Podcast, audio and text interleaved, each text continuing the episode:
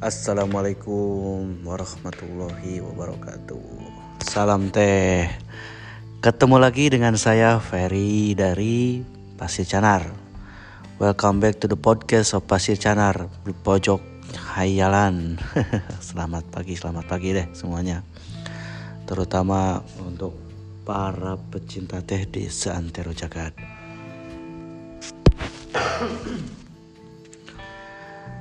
Pagi ini saya berada di pabrik pasir canar. Nah, pabrik pasir canar. Tempat kita mengolah berbagai jenis olah-olahan ya, produk-produk pasir canar itu ada beberapa produk di sini. Yang rutin, yang reguler kita produksi itu ada 5. Ada juga La Green Heart.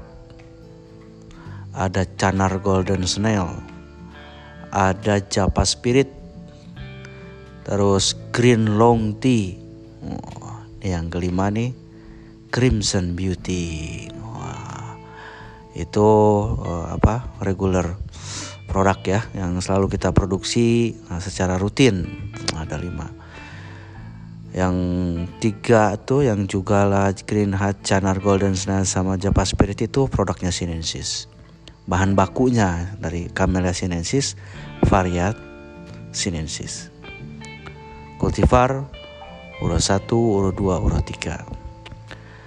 Adapun yang green long tea sama yang crimson beauty nah, itu dari Camellia sinensis varietas Asamika.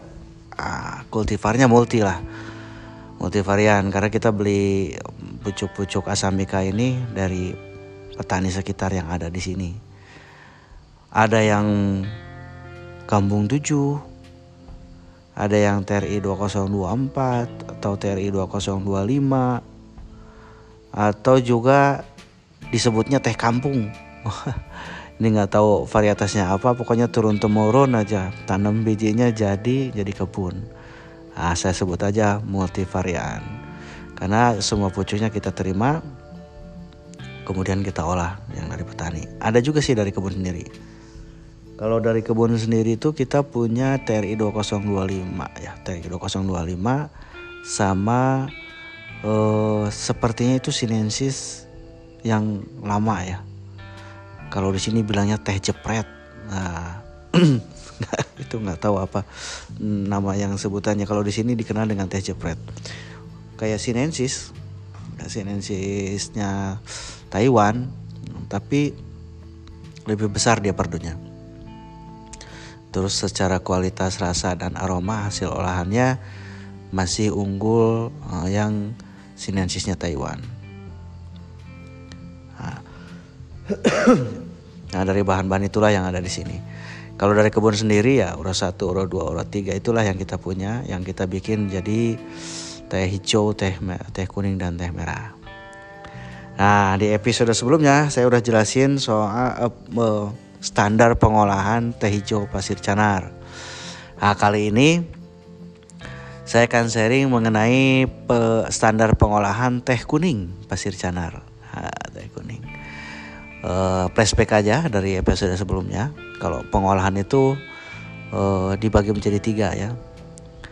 Pengolahan uh, uh, non oksidasi, semi oksidasi atau full oksidasi. Yang semi oksidasi ini uh, parsial ya, sebagian dioksidasi. Nah, teh kuning ini termasuk ke dalam semi oksidasi pengolahannya. Dibilangnya juga uh, parsial ya, sebagian karena sebagian ini variatif.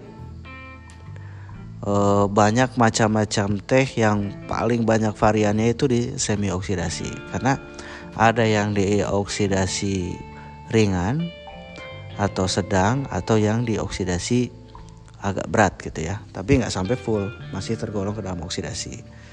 Ya kisarannya mulai dari oksidasi 15% sampai eh, uh, 85% lah. Itu masih digolongkan ke dalam uh, semi oksidasi nah teh kuning teh kuning pasir canar ini semi oksidasi. Oke. saya akan jelaskan standar pengolahan produksi canar golden snail. Pertama, ah, yang pertama ini seperti di episode sebelumnya saya jelaskan bahwa dalam pengolahan tahap akhir di kebun itu menjadi tahap awal dalam pengolahan, yaitu pemetikan. Nah, udah saya jelasin deh sebelumnya itu. Jadi pemetikan kita order dulu untuk standar teh kuning sama di sini teh kuning dengan teh hijau dengan standar petikan P plus 3 Peko berserta tiga pucuk di bawahnya. Oke, itu tahap pertama. Nah, tahap kedua dari pengolahan canar golden snail itu setelah sampai di pabrik, pucuk di beber atau diwiwir dan ditiup oleh kipas angin. Kipas anginnya suhu ruangan tapi ya, nggak pakai penghangat ini. Itu diwiwir. Nah, tahap ini awal uh, pada awal menurunkan air-air yang menempel pada daun. Itu tahap awalnya. Tapi kemudian tidak hanya itu dalam pengolahan teh kuning, fungsi dari pembeberan ini oh, juga untuk mengoksidasi perlahan-lahan secara alami. Nah, kenapa dibilang semi oksidasi? Ini oksidasinya untuk teh kuning ini kisaran 15 sampai 25 persen. Jadi warna airnya hijau kekuningan, lebih tepatnya kuning lah. Ya kuning makanya dia golden ya, karena warnanya warna kuning warna emas. Dibilang di makanya dikasih nama canar golden snail. Jadi tahap oksidasinya dia sangat perlahan di bibirnya itu atau di bebernya ditiup angin-anginnya itu sekitar kisaran kurang lebih 24 jam. Jadi dipetik hari ini sampai besok pagi. Besok paginya baru nggak dilihat kelayuannya. Kalau sudah cukup layu, layu dalam tahap-tahap tertentu selama 24 jam itulah hmm, kisaran waktunya. Wah, itu menjadi tahap kedua Nah di situlah tahapnya oksidasi untuk teh kuning. Kemudian yang ketiga, yang ketiga ini stop di enzim. Wah ini stop di enzim supaya diberhentikan proses oksidasinya.